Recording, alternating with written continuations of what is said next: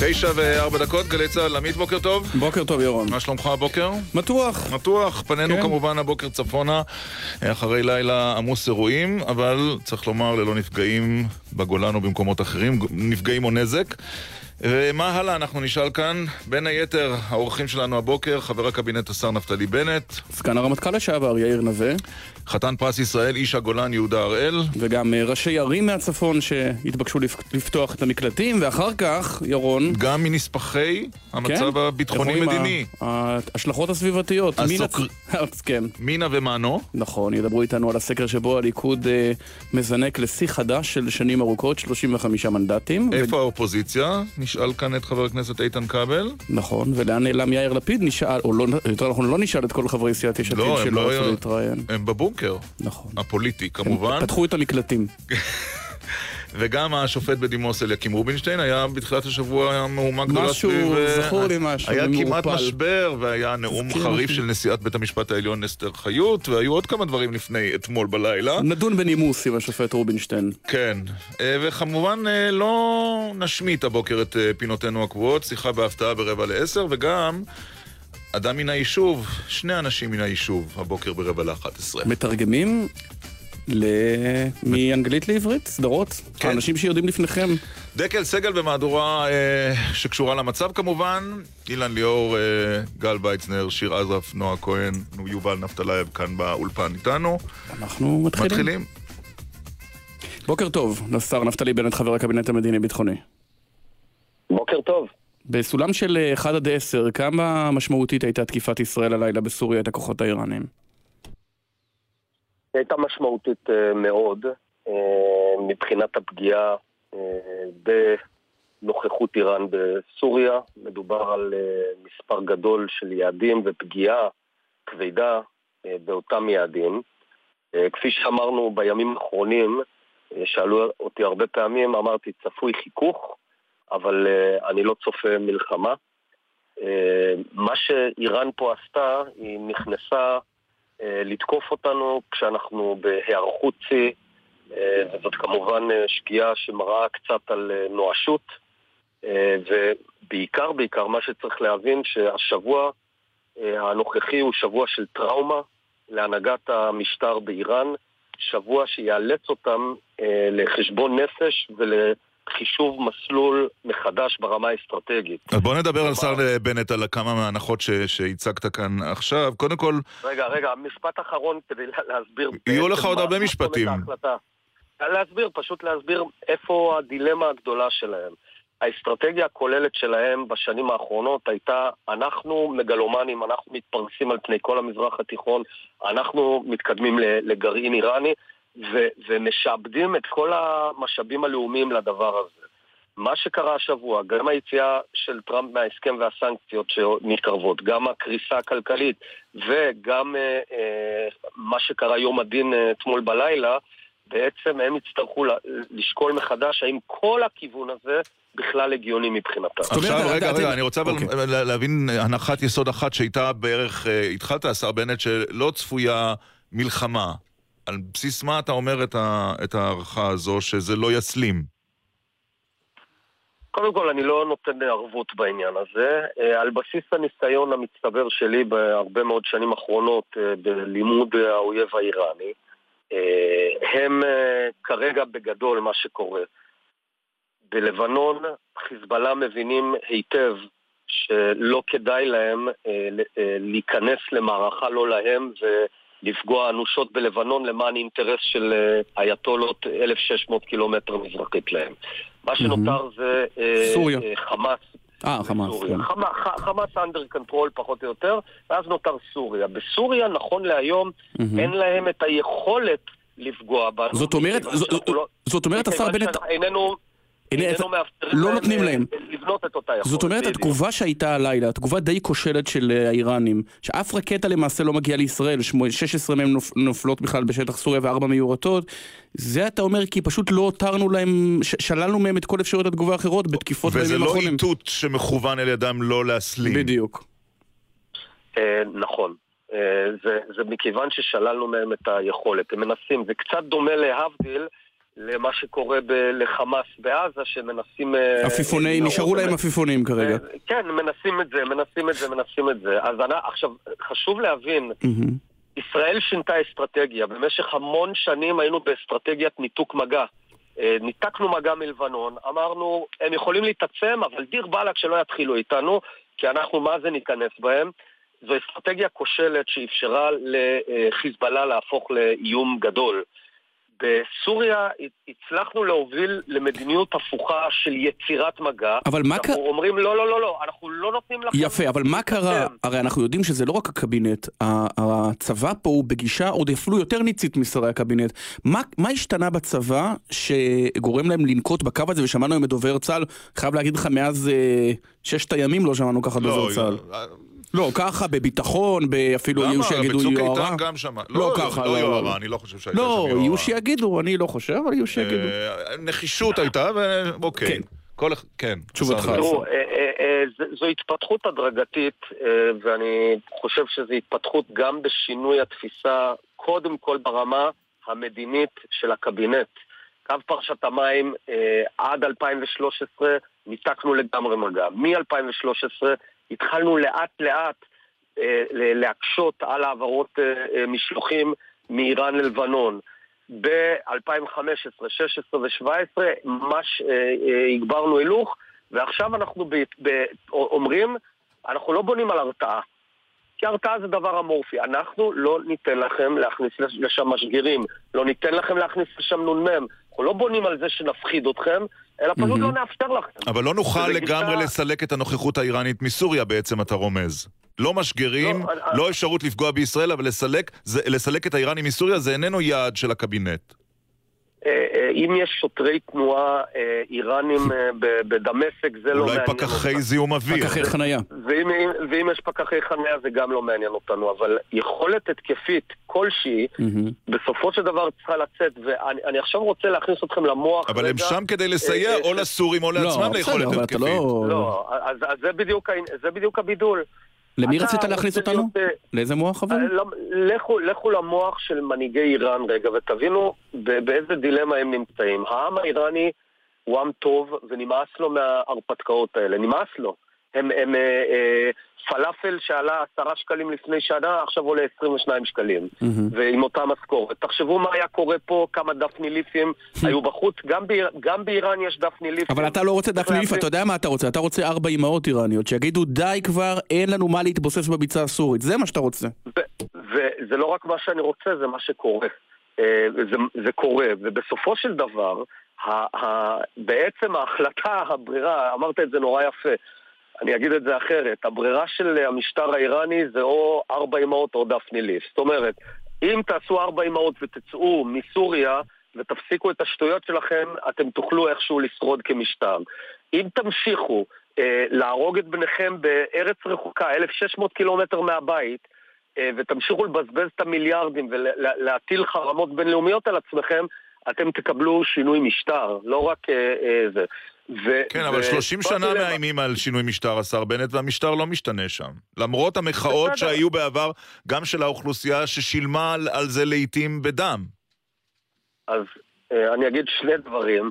קודם כל, דמיין שאנחנו בשנת 1988 ואתה שואל אותי על ברית המועצות. אז אתה אומר לי, כבר 68 שנה, נכון. או, אה, אה, אז בסוף לא לעולם חוסן. דבר שני, אה, וזה אה, נורא חשוב אה, להבין, הציבור האיראני הוא ציבור אה, מאוד אה, אה, מתקדם, מאוד דמוקרטי באופיו, מאוד מדבר, ויש שם כעס עצום, והעסק הזה הוא לא בר קיימא.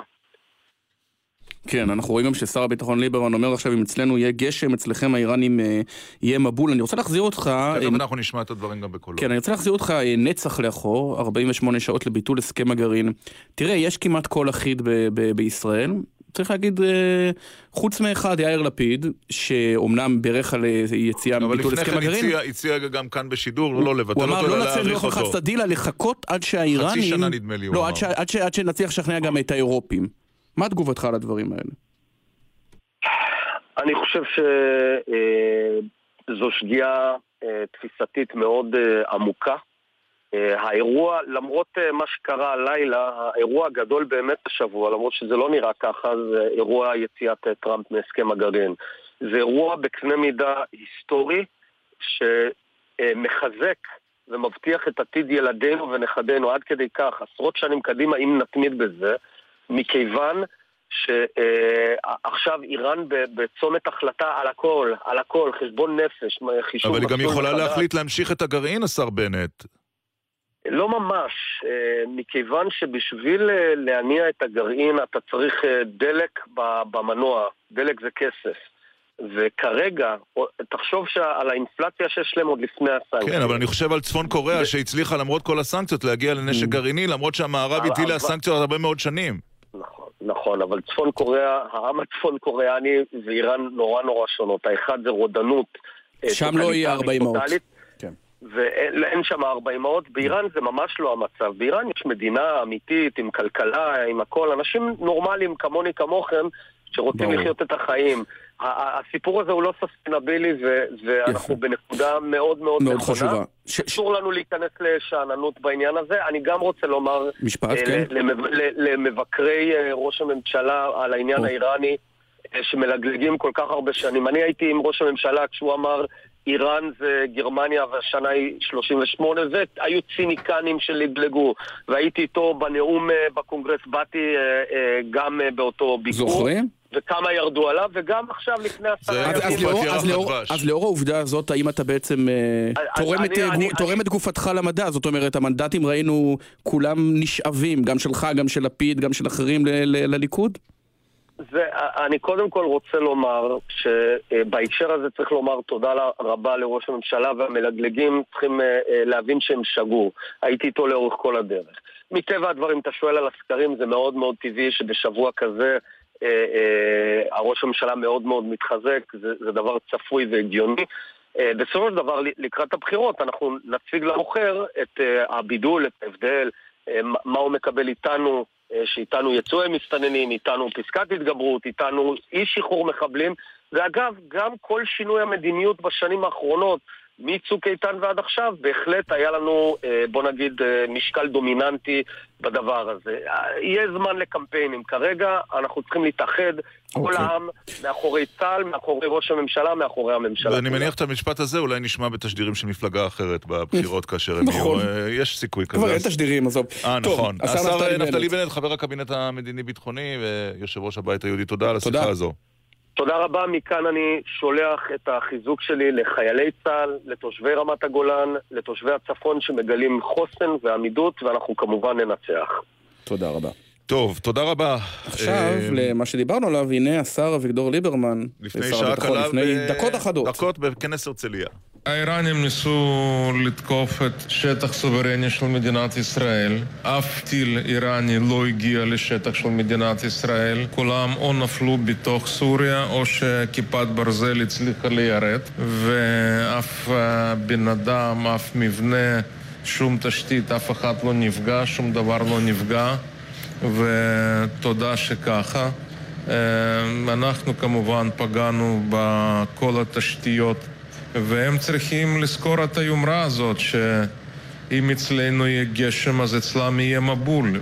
שלום אה, לסגן הרמטכ"ל לשעבר, יאיר נווה. אלוף במילואים.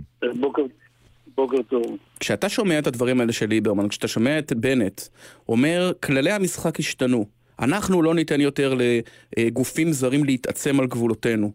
זאת בעצם אה, מתקפה ישירה למטכ"לים קודמים, אה, בהם גם אתה ישבת, שלשיטת האומרים היום לא עשו את אותו הדבר הנחוץ לא, אז. לא עשו מספיק. אה, אני לא מקבל, כי צריך להבין שיש גם תהליך למידה. מה שקורה בעצם היום בסוריה, אפשר לקרוא לזה במילה אחת, ניסיון איראני לבצע לבנוניזציה של סוריה. הרי מה קרה בלבנון?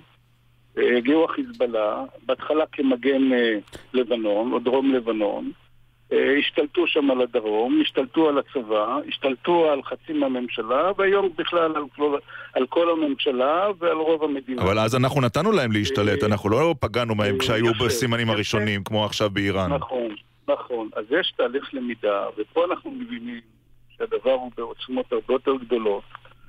ולכן, אה, כמו שנאמר פה גם על ידי דוברים אחרים, צריך את הקומקום הזה לטפל בו כשהוא עדיין קומקום ולא קטר.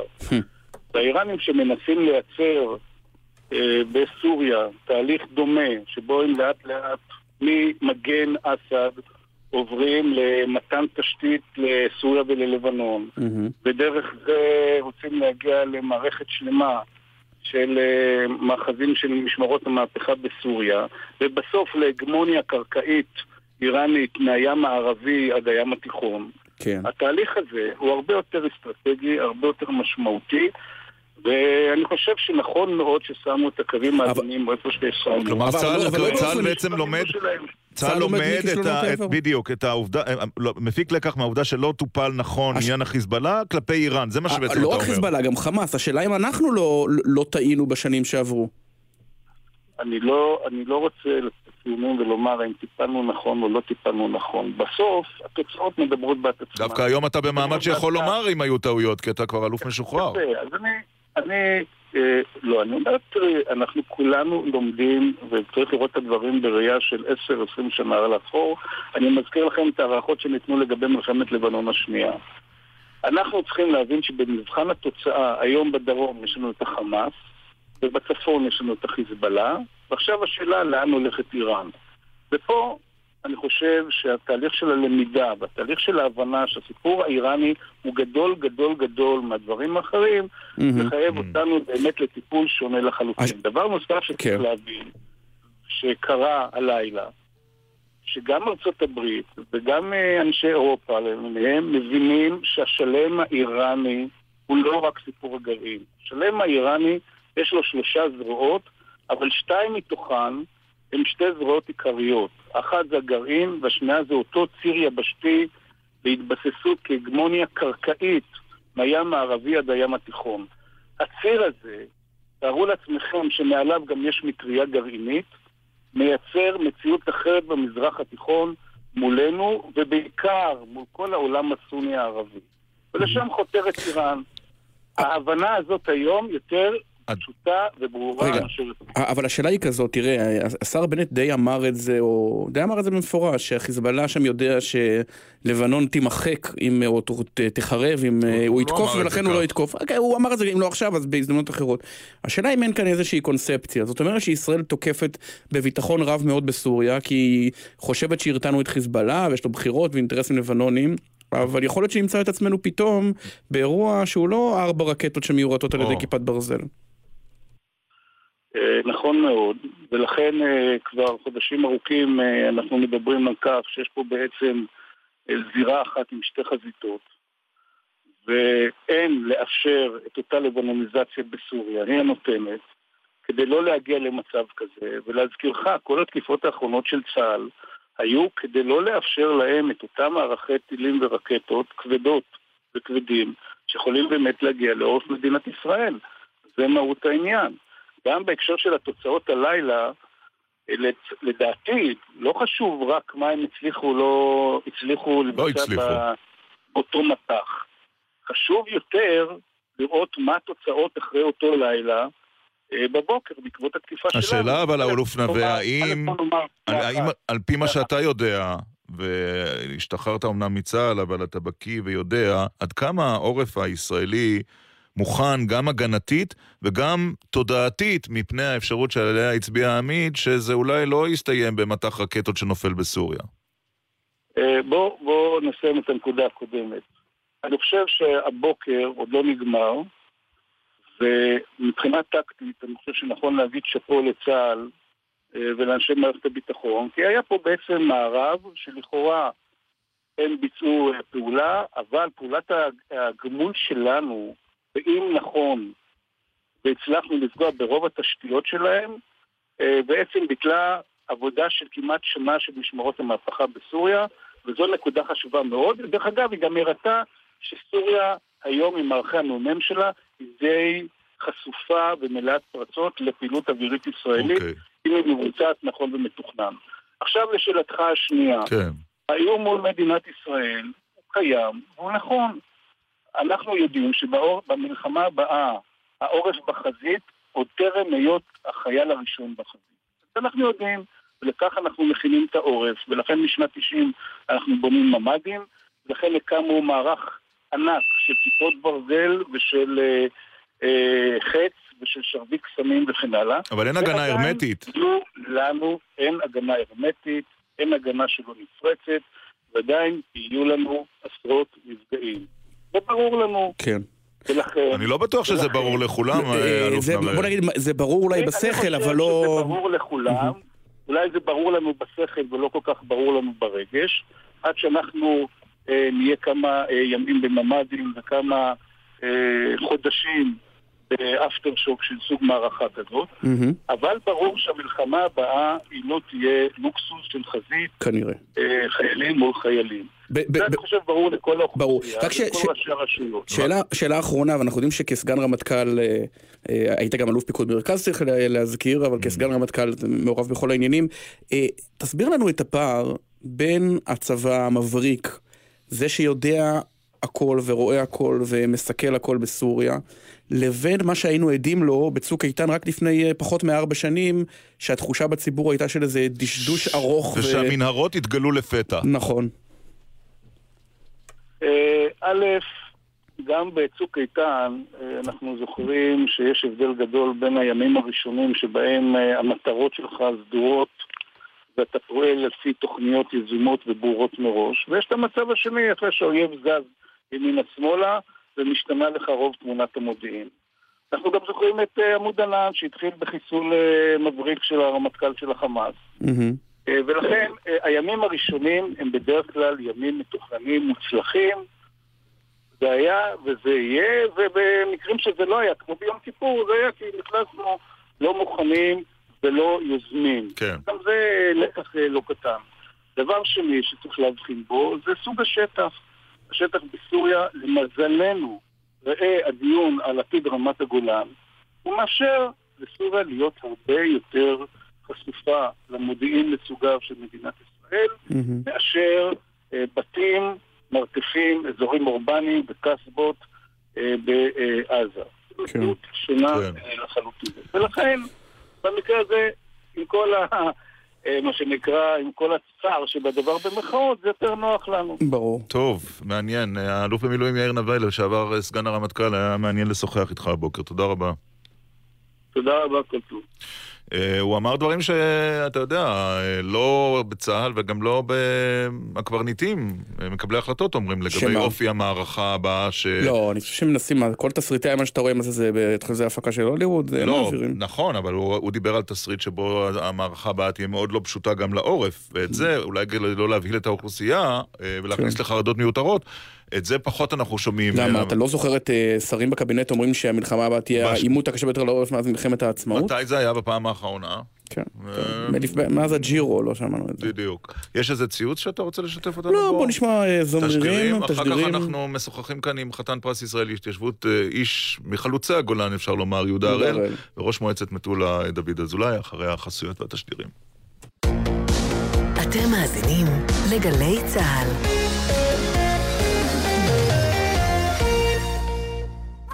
עכשיו בגלי צה"ל, ירון דקל ועמית סגל. איתנו עכשיו אה, שניים, אה, יהודה הראל, חתן פרס ישראל להתיישבות, מחלוצי הגולן, איש מרום גולן. בוקר טוב ליהודה הראל, בוקר טוב לכם. וראש מועצת מטולה דוד אזולאי, בוקר טוב. בוקר טוב לך ולכל המאזינים. בשבע דקות לפני ארבע בבוקר שמעת פיצוץ גדול? אכן אכן, זה היה בערך בעשרה לארבע, פיצוץ אה, אה, אז ברחבי המושבה מטולה. ו- מה זה היה? הפעלנו את ה... אה, אני תכף אגיע, הפעלנו, הפעלנו את הנוהל אה, אה, שאנחנו אה, מתכוננים אליו אה, תקופה ארוכה ואנחנו אה, די מורגלים בגלל המיקום שלנו. אה, אחרי כמה דקות של אה, סריקות מצאנו אה, נפלים של אה, כיפת ברזל שנפלה פה במטולה. ירי כוחותינו, לא משהו רציני. אז אה, לא זו הייתה הסיבה להחלטה שלכם אה, לפתוח את המקלטים. לא, אנחנו בהתחלה, כש, כשנשמע הפיצוץ, אז נתנו הנחיה לכל התושבים אה, לפתוח את ה... להיכנס לחדרי הביטחון, לממ"דים ולמקלטים, ותוך עשר דקות, רבע שעה, אנחנו סגרנו הכל ונתנו הנחיה לצאת לצאת מהמקלטים ולחזור חזרה לשגרה מלאה. אנחנו, אה, אה, דקל, אתה מכיר קצת את מטולה, אז אנחנו אה, יישוב די מאתגר מבחינה ביטחונית. מאיפה ההיכרות עם מטולה, אם יורשה אני לי? לשאול? מבקר שם מעת אה, לעת. אה. כן. הוא- הוא מבקר... אגב, מעת אני לעת, ממליץ ולא לך. מזמן גם עשינו סיור. אה, אה, אוקיי. סגל, אתה מוזמן. עשינו, אה, עשינו אני ודקל סיור לא מזמן, והוא ראה הוא עמד על אה, מצב במטולה. הוא עמד על מצב הביצורים, ירון? על הוא- מצב המקלטים. המקלטים? עשיתם סיור? גם על זה. הבנתי. אכן, אכן. אוקיי. בכל זאת- בכל מי זאת הוא אלוף משנה במילואים.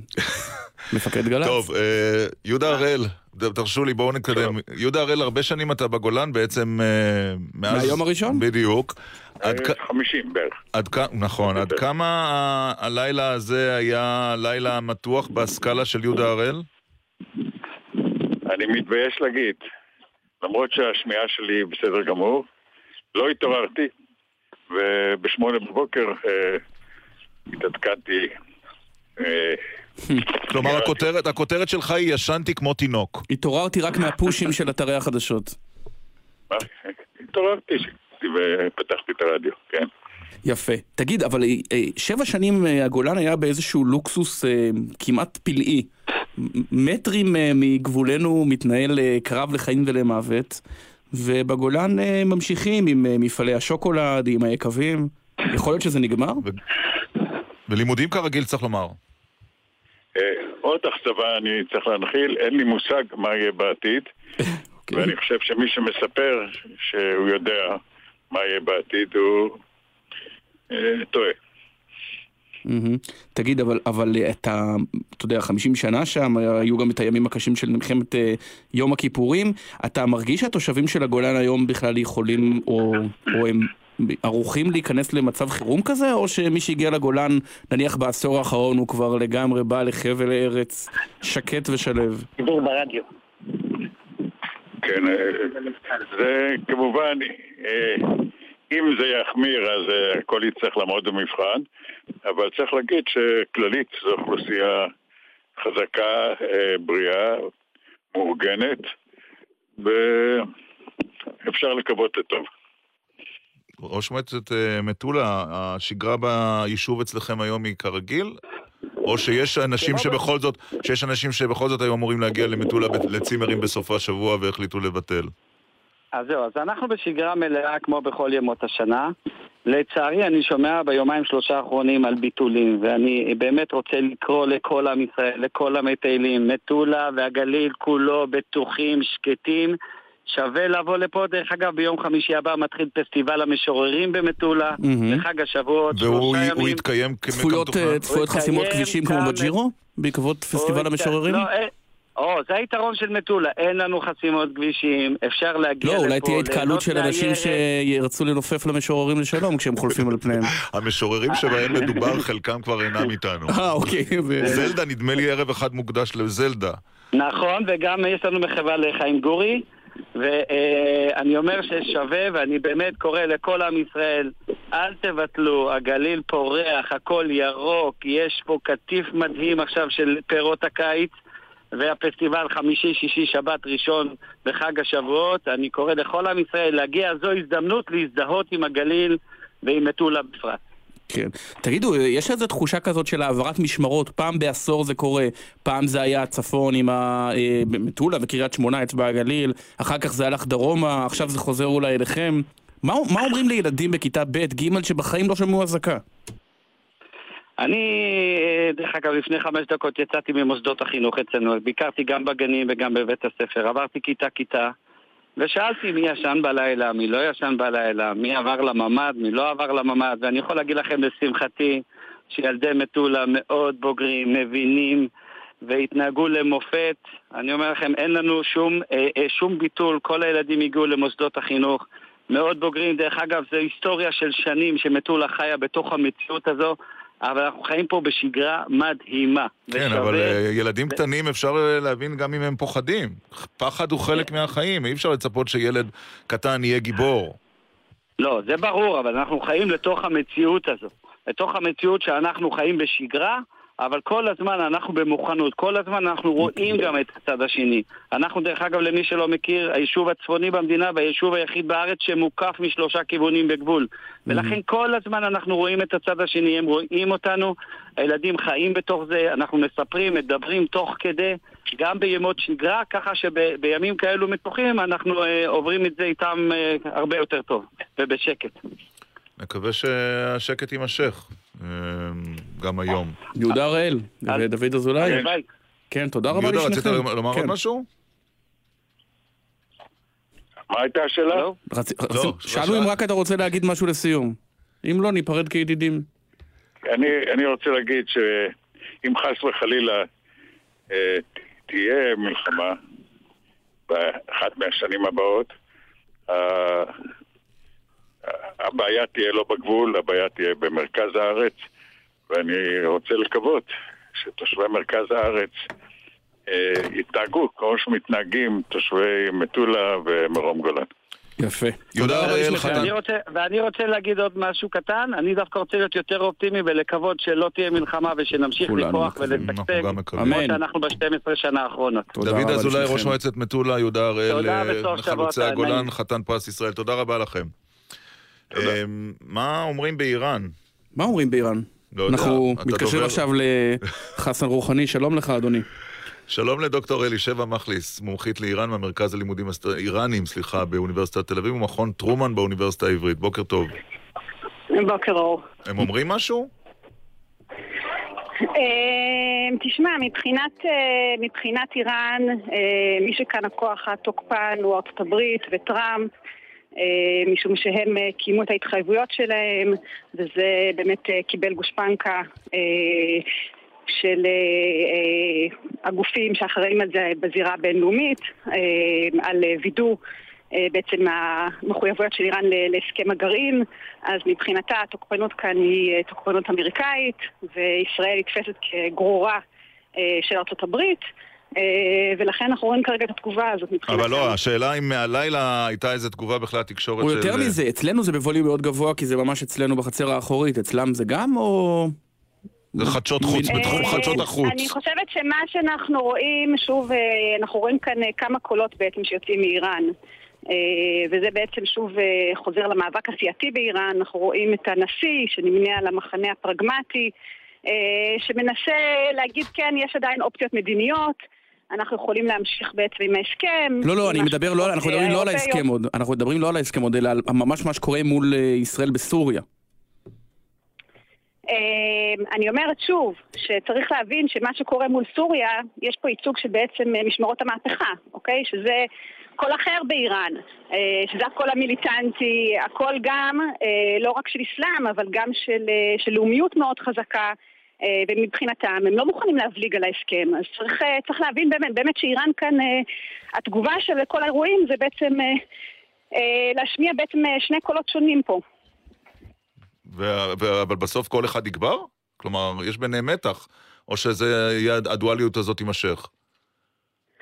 אה, קודם כל איראן אה, יודעת לפעול בערוצים מקבילים, אה, וזה כך תמיד היה. אז אני חושבת שיכול שאנחנו באמת נמשיך עם התגובה הזאת. אנחנו נמשיך לשמוע את רוהני במידה מסוימת כביכול הנשיא האחראי, שהולך למסלול הדיפלומטי, ובמקביל את משמרות המהפכה. עכשיו, כמובן ש, שגם משמרות המהפכה מייצגים את כלל העם ה- ה- האיראני, ואולי כן. גם נוח לרוהני להשמיע את, את, את הקול הזה וגם את הקול הזה. את מדברת עם, אה, עם אה, איראנים, עם בלוגרים, עם אה, אנשים שאת יכולה לתקשר איתם? את, את, יש לך קשר עם אנשים שחיים אה, באיראן? לא. לא? לא, לא, אני עוקבת אחרי דברים שקורים באיראן, אבל אין לי, אין לי קשר ישיר עם, עם מה שקורה. אבל מה, ש, מה שכן חשוב לי להדגיש פה, אה, שיש הסכמה די גורפת באיראן, שמגיע לאיראן, שיש לה זכות בעצם אה, לפתח גרעין, שזו הזכות הבסיסית של איראן, אה, כמדינת לאום, וכמובן גם כמעצמה אזורית, אה, וזה חוצה מגזרים באיראן וחוצה סיעות הסיפור הזה. ת- תגידי, אה, למה הם שונאים אותנו? סליחה על השאלה הנאיבית. הרי הרי אין לנו סכסוך טריטוריאלי איתם, רובם לא ראה יהודי בחיים שלו. מה העניין?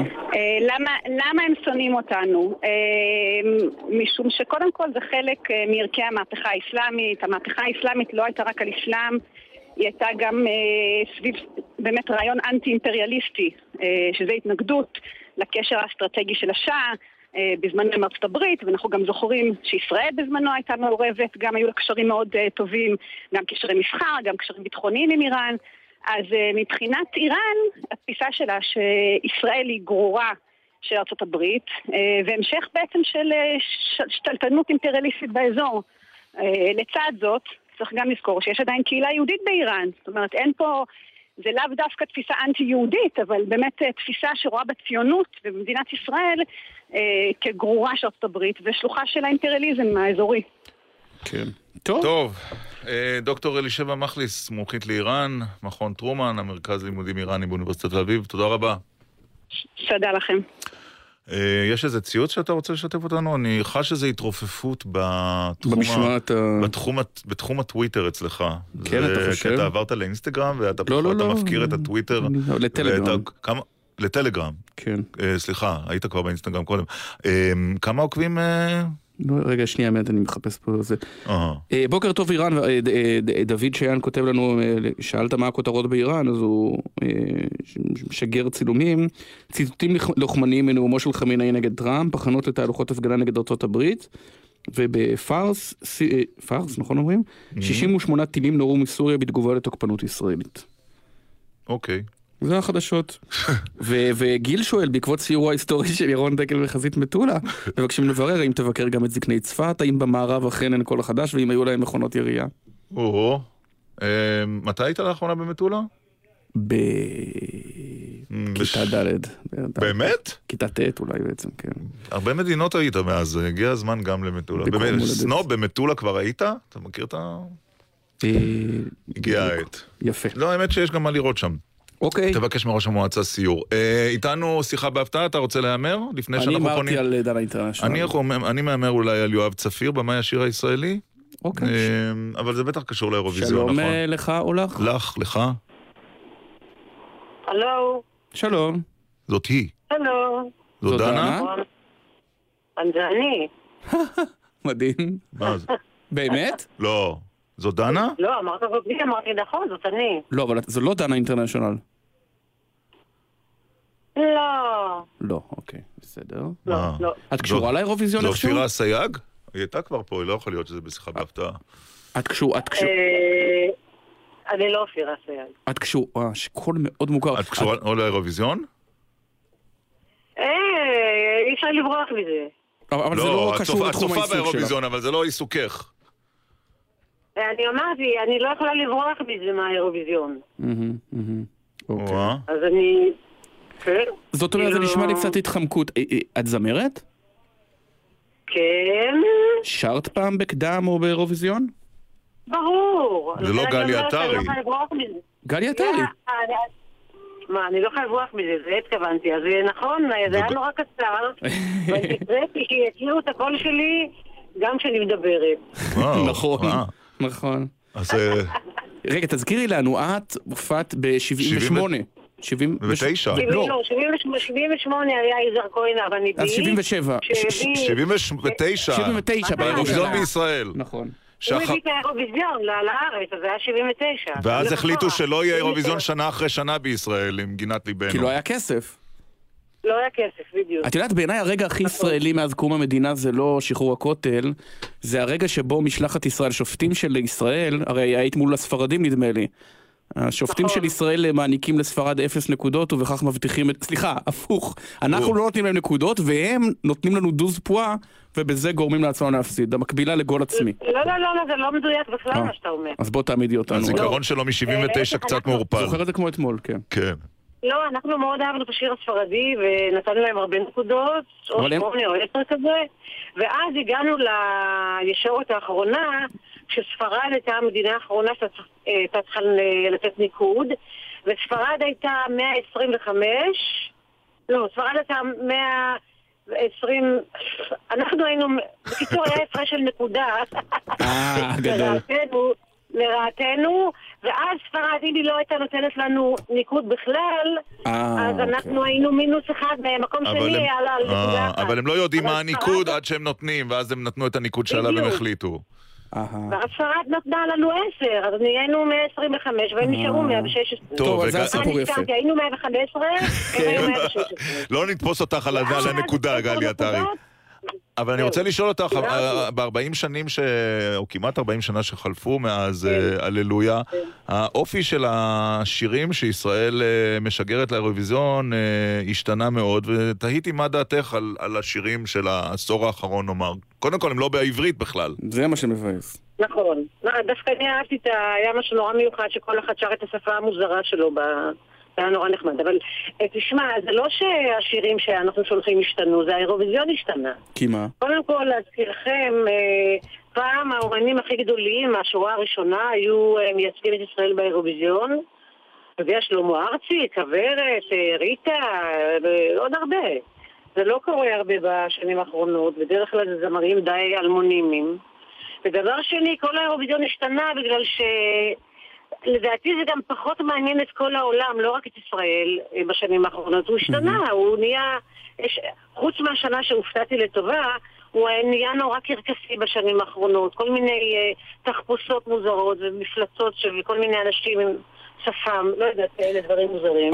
זאת אומרת, כל העמד, העמדות שאנחנו זוכרים, גם מהללויה וגם מאחרים, הנאיביות, אה, שייכות להיסטוריה. כן, אני חושבת שהנאיביות, וגם דתי, דתי זה היה הרבה יותר יפה פעם. היום זה... לא רק שלא שולחים אומנים מהשורה הראשונה בארץ, בכל מקום אחר בעולם, וזה גם פחות מעניין אותם מה שפעם, לא רק אותנו.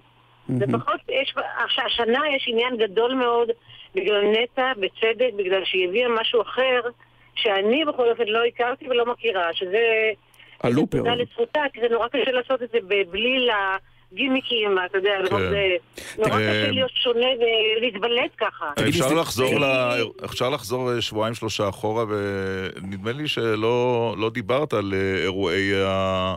יום העצמאות והקליפ של הללויה, אה, נכון? נכון, נכון. האמת היא שלא דיברתי עם אף אחד ולא עניתי לאף אחד, אבל הייתה לי כתבה בידיעות, ששם אני כן דיברתי על זה עם רז שייח בידיעות, ושם השבתי על כל מיני תשובות שלא עניין אותי להשיב קודם. אוקיי. וגם נשמע לי מהטון שגם לא מעניין אותך להשיב עליהם עכשיו. אין לי בעיה, אני לא פוחדת מכלום. אז אה, בואי תשיבי מה לנו אתה רק... רוצה לשאול? באמת רק במשפט, כי באמת טקס אה, הדלקת המסורת נראה כבר היסטוריה רחוקה. אה, כן. נפגעת סביב כל הסאגה הזאת? לא. אוקיי. זו הייתה תשובה. רחבה, מעמיקה, עם הרבה פירוט. ככה זה כשהשאלות ארוכות. האמת היא שלא... זה היה... תשמע, זה היה קצת... כל הטררם שנהיה היה גדול עליי באמת, אבל מעבר לזה לא היה שום דבר מיוחד. כאילו, אתה יודע, שום דבר מיוחד ולא נפגעתי. ומתח בינך לבין אה, עדן היה, או שדווקא כאן לא? ממש לא. לא. היא כזאת בחורה מקסימה ומשובבת לב כזאת, וחייכנית, שמהרגע הראשון גם אני חושבת שהיא זמרת טובה, ואתה יודע, יש בינינו הפרש גילים, אבל אה, כן. מה? תגידי, כשאת, סבבה. כשאת כן. מסתובבת באירופה לפעמים בטיולים, אה, יש אנשים שעוד אומרים, היי, אותך ראיתי באירוויזיון? לא, או שאומרים אפשר סלפי? אתה, אתם תצחקו, אבל כן.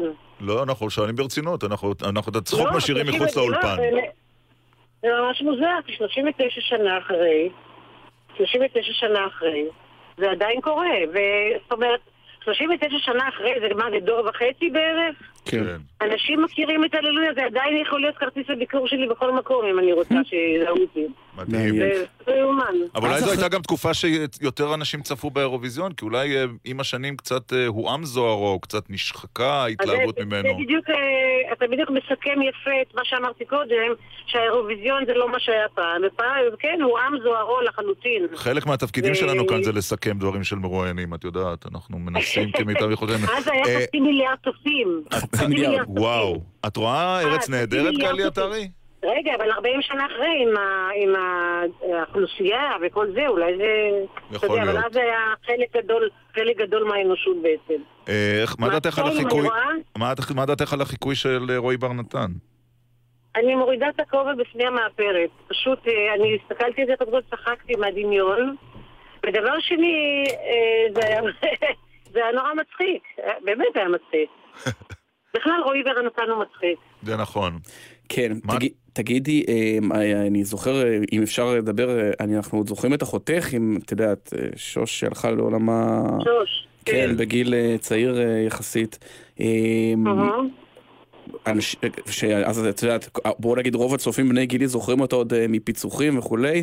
עובר, עובר יום שאת לא חושבת עליה? אמ, לא עוברת שעה שאני לא חושבת עליה. כן. היה עכשיו בראשון לאפריל, היה עשר שנים ללכתה, שזה לא להאמין, כאילו, הזמן עשר עובר. ואיך זה... כן, זה... כן, מה מה אפשר לעשות? אין מה לעשות. ואת ממשיכה להופיע? כן, אני ממשיכה להופיע, ובראשון ליוני אה, הקרוב יש לי הופעה גדולה באמפי שוני, ואני אפילו מארחת את ירדנה ארזי. אה, את ירדנה ארזי כאורחת שלך. כאורחת שלי, כן, אני הייתי אורחת שלה בזאפה תל אביב לפני איזה שנתיים בערך. מעבר לזה, המפגש היחיד שהיה לי איתה מאחורי הקלעים של האירוויזיון של 79. אה, היא הייתה המנחה. נכון. כן, ואני הייתי זמרת, אבל, אבל לא הופענו יחד, אז אה, אני ממש נרגשת טוב. אה, להופיע איתה. אז באמפי. שוני, ב-1 ביוני, תמיד יש פעם ראשונה. לה, מחכה לכם, לכולם. התבקשתי לשאול שאלה לא פוליטיקלי קורקט. איך את מסבירה את ריבוי הזמרים עולי תימן או יוצאי תימן באירוויזיון שייצגו את ישראל? גם את, גם אה, נדמה לי יזהר כהן, בועז מעודה, נכון? פעם היה. כן, אם נצא מתוך נקודת הנחה שאתה צודק, אז אה, אני חושבת ש... מגיל אפס אנחנו שרים בקידוש ביום שישי ולא לא מדברים את, ה, את התורה, אלא מנגנים אותה. Mm. אה, אז אני חושבת, תראה, אנחנו, אבא שלי היה חזן אה, מאוד אה, מוכר ואהוב בשעריים ברחובות, ואימא שלי גם הייתה שרה. כל האחים והאחיות שלי מוזיקליים.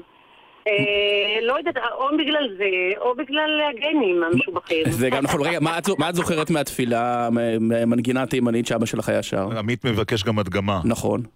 אז, אז זהו, האמת היא שאבי נפטר כשהייתי בת ארבע וחצי, אבל אני זוכרת איך שהוא היה שר כל נדרי ברמה כזאת שכילדה אני זוכרת את כל האנשים בבית הכנסת בוכים, אני לא מגזימה. וואו. זה דבר שנצבע בי, שאנשים בוכים מהתרגשות או, או לא יודעת, מהזדהות עם השירה שלו, שהייתה נורא מדהים. מרגשת. לפני שניפרד, הימור לגבי אה, מוצאי שבת? תראה, אני ראיתי את החצי גמר עד נטע, עשיתי אחר כך הפסקה אה, לנוח קצת, ואז ראיתי את הסוף. אה, הקפריסאית בהחלט היא איום אה, רציני. אני אהבתי גם את הזמרת של ליטבניה, שהייתה, לדעתי. מהממת. כן, נכון. כן. של ליטבניה קראו לזה. כן, נכון, אה. ככה הם קוראים לזה. ב- כן. היום יש כל מיני שמות אחרים, אבל זה בעצם אותן מדינות נכון. שהיו אז. רק- זה נחמד שפתחנו באיום האיראני ואנחנו מסיימים באיום. הקפריסאי. הליטאי, כן. תודה. גלי עטרי, לעונג היה לנו. היה כיף, ונסיים בהללויה, בסדר? ודאי. סבבה. היה כיף לדבר איתך, גלי עטרי, ובהצלחה במופע ב-1 ביוני. תודה רבה, גם לי היה. באמפי להתראות. שוני. תודה רבה. אנחנו מסיימים שעה ראשונה, אבל יש לנו עוד שעה.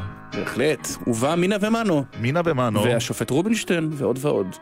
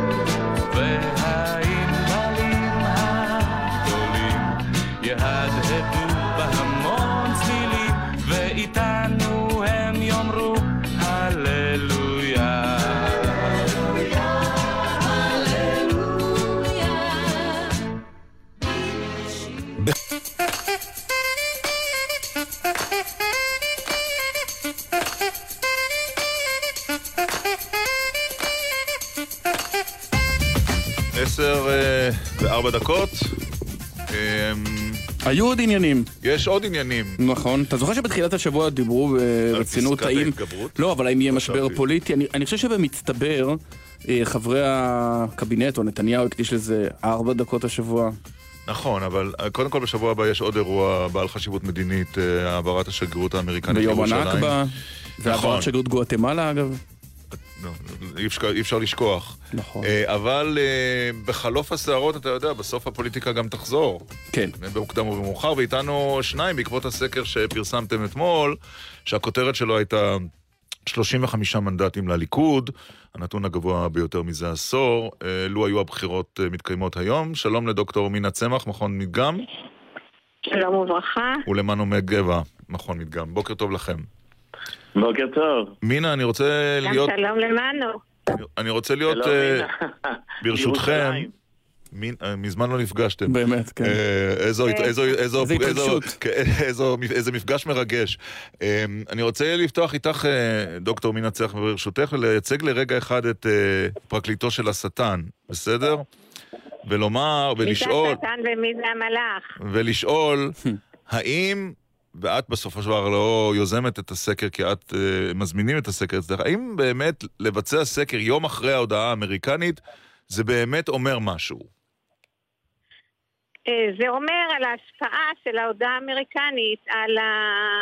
על כוונות ההצבעה של הציבור. אתה צודק שזה לא אומר, אבל בכלל אה, אנחנו יודעים שהסקרים, כוונות ההצבעה של הציבור הן מתניידות אה, נוכח אירועים שונים. אני רק רוצה להוסיף שהניידות היא לא כל כך גדולה. שבעה מנדטים. שבעה מנדטים לא, זה שישה אחוזים. זה המון. לא, אה, לא זה המון. לא, לא, מה שאני אומרת, כשאנחנו מתייחסים לאחוזים בציבור, אז אי אפשר להגיד שהציבור בהמוניו משנה את הדעות, מה גם שחלק מזה בא מאותם האנשים שלא הצביעו בבחירות. הקודמות. אבל כן, סקר, אה, כוונות ההצבעה של הציבור נתונות, כמו שאמרתי, לתנודות, וכשאתה עושים במועד מסוים זה לא מעיד על, ה... על מגמה או על משהו כזה, זה כמובן לא מעיד על מה שיהיה במועד הבחירות, זה מעיד על ההשלכות של האירוע המסוים, על כוונות ההצבעה.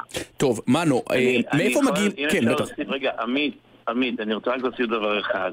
אנחנו כל הזמן אומרים שהשקף, שהסקר, הסקרים משקפים תמונת מצב נכון ליום שהם נעשו, ולכן בהחלט, יכול, בהחלט נכון שאם אחרי אירוע כמו שהיה אתמול, אז אה, של, אה, של אה, ביטול ההסכם על ידי טראמפ, בהחלט משפיע, אבל הוא משקף נכון לעכשיו מה שקורה. אני הייתי אומר שנמשיך לעקוב ונראה מה יהיה הלאה, אבל הוא משקף נכון, זה בהחלט פוסט אירוע מאוד גדול, אבל אני רוצה להגיד עוד משהו, הרי יהיו עוד שתי שאלות שם, מאוד מאוד חשובות, שאחת מהן שאלה האם ההסכם הגרעיני עם איראן, הביטול שלו היה טוב לישראל או לא טוב לישראל, ולא קשור לנתניהו בכלל, אלא מה הציבור חושב.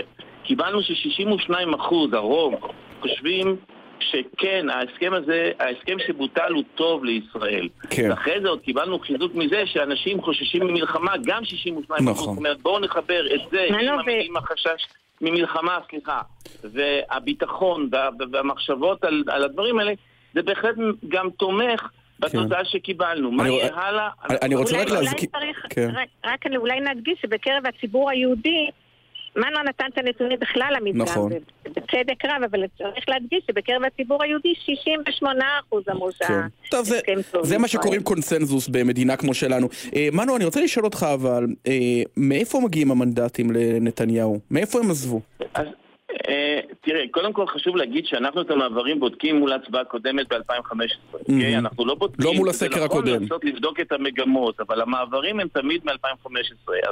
אז, ככה, הליכוד בעצם לוקח מהמצביעים החדשים ומכאלה שלא הצביעו שניים וחצי מנדטים בערך. מש"ס הוא לוקח מנדט, מיש עתיד מנדט ועוד חלקי מנדטים ממפלגות אחרות. כן.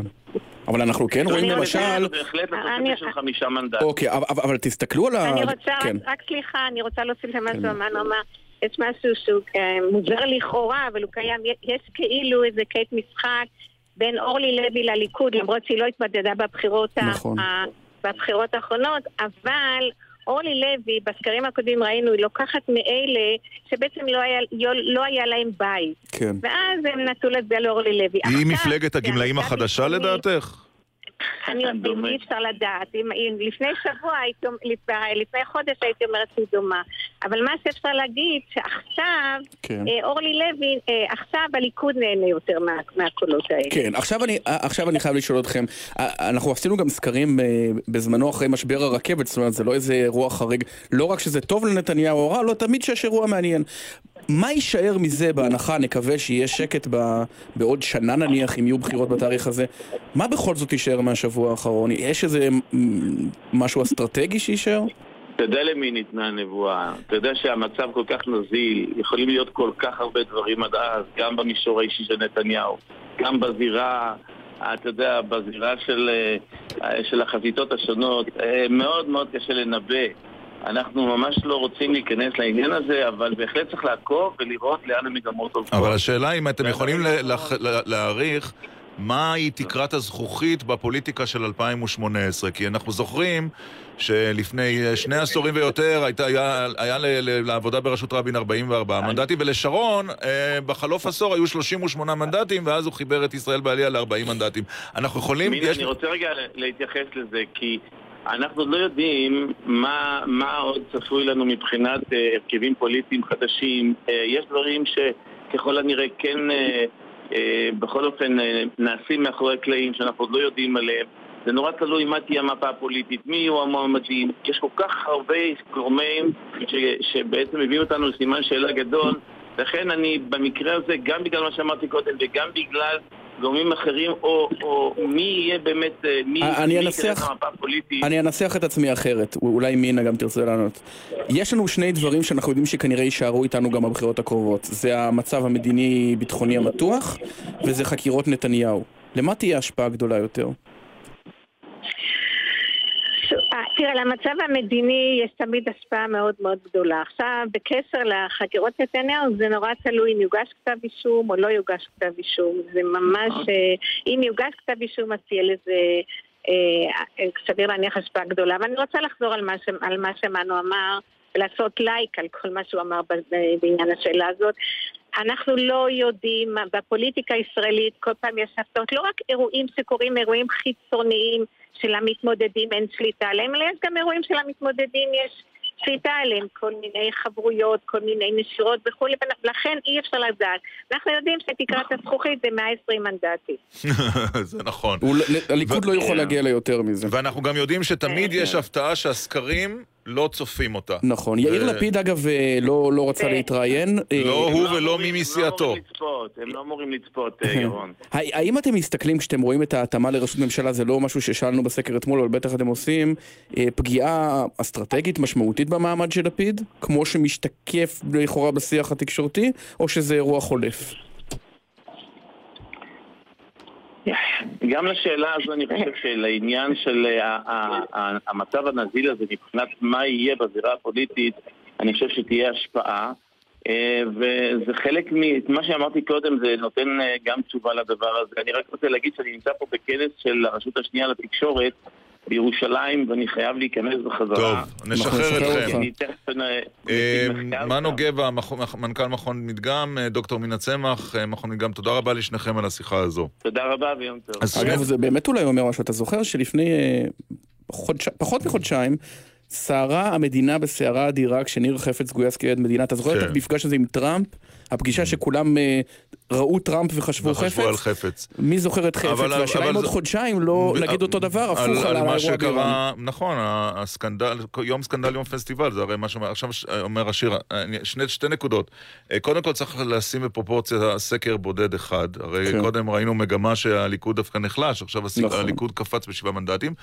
ושנית, לנוכח הסקר הזה וגם לנוכח האירוע השבוע המשמעותי של הודעת טראמפ, אה, והתחזקות נתניהו, מה דעתך על התסריט שבו ראש הממשלה יוזם הקדמת בחירות בלי להיגרר אחרי איזשהו משבר קואליציוני חולף, נקרא לו התאגיד, הגיוס, הרכבת, חוק ההתגברות, אלא הוא אומר, ביצעתי מהלך משמעותי בתחום האיראני, יש עוד עבודה רבה, אני מבקש את אמון העם כדי להמשיך. נכון, אז אני, אני אגיד לך רק מה, אני לא יודע לענות על זה, אני רק אגיד לך מה הלו"ז אם הוא הולך על זה. אוקיי. והלו"ז הוא כזה, כדי לקיים בחירות אני המצאתי את ה- את הרעיון הזה, זאת תשמע, אתה יודע, לא, לא צריך... שרואה את הסקר הזה, כן, אבל, לו... אבל אנחנו כל הזמן אמרנו שהוא ינצל איזשהו משבר כדי להקדים את הבחירות, והוא לא ייזום אותן. נכון. אז תראה, כדי לקיים בחירות, הרי המועד, ה... באוגוסט לא עושים בחירות, אז יש לך בעצם את ארבעה בספטמבר, או- ואחר כך אתה בחגים... או, או ו- סוף אוקטובר. לא בדיוק, יש את הבחירות המוניציפליות, ול... דוחים אותם. זה כבר כמעט לא סביר. אה, זאת אומרת, כדי לקיים בחירות בסוף, אה, בארבעה בספטמבר, צריך אתה צריך ללכת יוני. לפזר את הכנסת לכל המאוחר, תזכור את התאריך ב-28 במאי. זאת אומרת שיש לך וואו. עכשיו עוד אה, שבועיים וחצי, כשאנחנו יודעים ככה. אה, זה לא יקרה בשבוע הבא נכון. כשבו פותחים שגרירות, לא יקרה ביום הנכבה, לא יקרה אה, אוקיי. בשבוע הזה. אבל אומרת, מה אנחנו... בלוח רשום לך ב-28 במאי? אה, נסיעה. אז כנראה זה יקרה אז. אה, נכון, אתה נוסע לחו"ל, אז זה. יקרה אז. נכון, תמיד זה קורה אז. תמיד זה קורה, המשבר הגדול של התאגיד לא, היה. כשאתה היית בסין. טוב, עם ראש הממשלה, זה היה לי תירוץ. אבל- אבל, אוקיי. אבל יש שבועיים, בקיצור, אם ראש הממשלה רוצה להתניע מהלך כזה, יש לו בערך שבוע וחצי לעשות את זה. אני חייב אגב, להגיד... תהיה, זה יהיה גם בחירות לפני החלטת היועץ המשפטי לממשלה. אה, כי הוא אה, לא יחליט כנראה עד ארבעה. צר לי לבשר לך, נראה לי שגם בחירות יהיו ב-2019, לפני החלטת היועץ המשפטי לממשלה. אוקיי. אגב, באמת שהשאלה שצריך לשאול. ואין תשובה עליה לאף אחד, זה כמה ישראלים אומרים לעצמם, אה, כבודן של החקירות במקומם מונח, אבל כשאלה האתגרים, אני רואה את נתניהו עם טראמפ ופוטין וכולי, אז אני נותן לו מנדט, לא, מש... לא, כבר לא מעניין אותי הסיגרים והשמפניות, גם אם הוא אשם. כמה כאלה יש לדעתך? כן. השבוע, ב- אני לא יודע, אבל במהלך יום אתמול, אה, אנשי האופוזיציה, וזה מוביל אותנו לשיחה הבאה, התחרו ביניהם במי נותן חיזוק גדול יותר לראש הממשלה למהלך ה- האיראני אה, ש... אה, של הנשיא טראמפ, שלראש הממשלה יש חלק בו.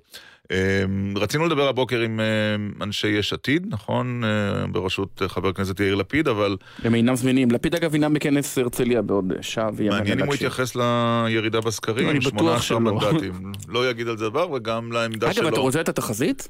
איזו איזו- איזו לגבי? הבחירות. נו. לא יהיו השנה. אה, כן? זהו? זה זה קר. לא, פשוט בזבזנו מהלו"ז, את הדקות האחרונות פשוט. לשווא? ניתוח פשוט של הלו"ז, כן. אה, לא יהיו השנה? גם אם לא. נתניהו מאוד ירצה? אם לא. הוא ירצה, אבל השותפים ילכו איתו. נראה- אה, נראה לך? מה, ש"ס על גבול אחוז החסימה? אבל האופוזיציה תלך? איתו. טוב. טוב. אה, בוא נשאיר משהו לחנפי הדמיון. שלום לחבר הכנסת איתן כבל, יושב ראש ועדת הכלכלה, המחנה הציוני. שלום, שלום. ימים. לא קלים להיות באופוזיציה.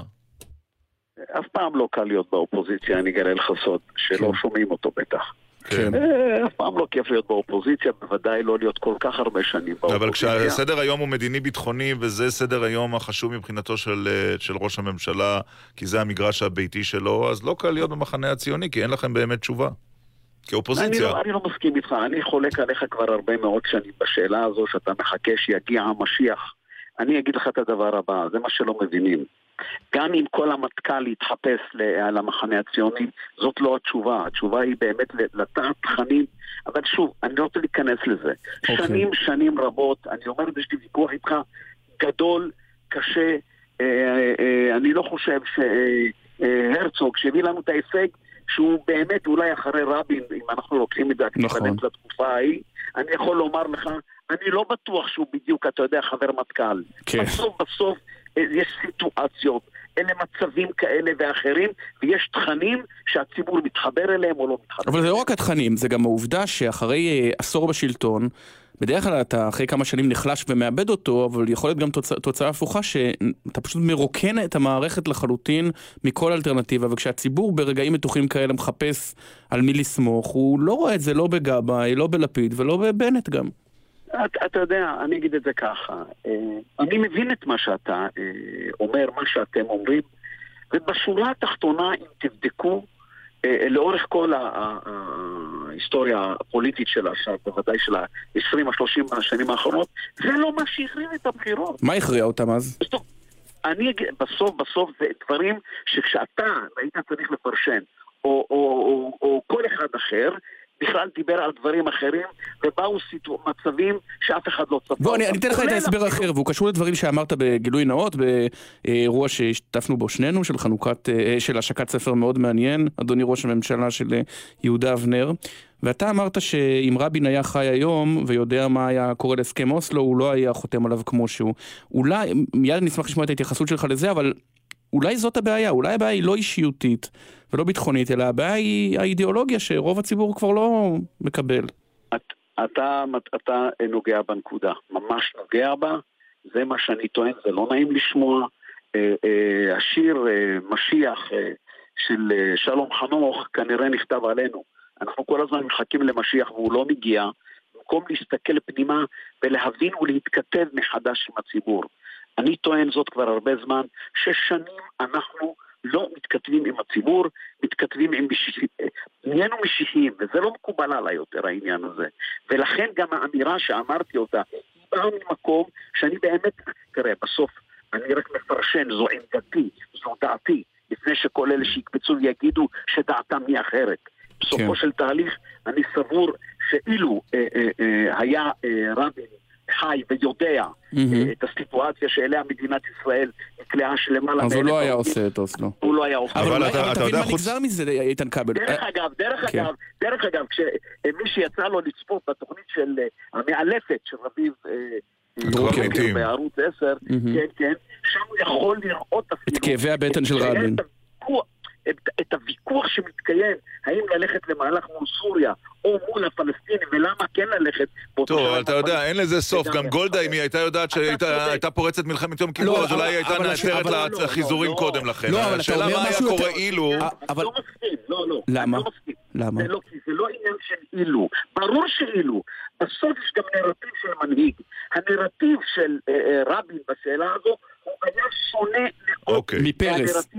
הוא לא כתב את מזרח תיכון חדש, זה מה שאתה אומר. אוקיי, בואו נחזור אבל- השאלה שלי היא כזאת, אז יגידו לך אנשים מהמחנה, תגיד לך תמר זנדברג, או סתיו שפיר, או ציפי לבני, ממה נפשך? אם אתה אה, אה, אה, לא מאמץ את המדיניות שלנו, ובעצם אומר, נקטנו בקו שרוב הציבור לא שם, אז האלטרנטיבה שלך היא להיות חיקוי דהוי של הימין, אז בשביל מה צריך ממש חיקויים? לא. לא, ולזה, רגע, וסליחה, לא. חבר הכנסת קבלר, אני רק אציין- אציין את הציוץ שלך שבו אתה מסיר את הכובע בפני אה, נתניהו. אז אם אתה מסיר נכון, את הכובע תכף בפני נתניהו. אולי לא צריך להחליף את ראש הממשלה, כי אתה מסיר בפניו את הכובע.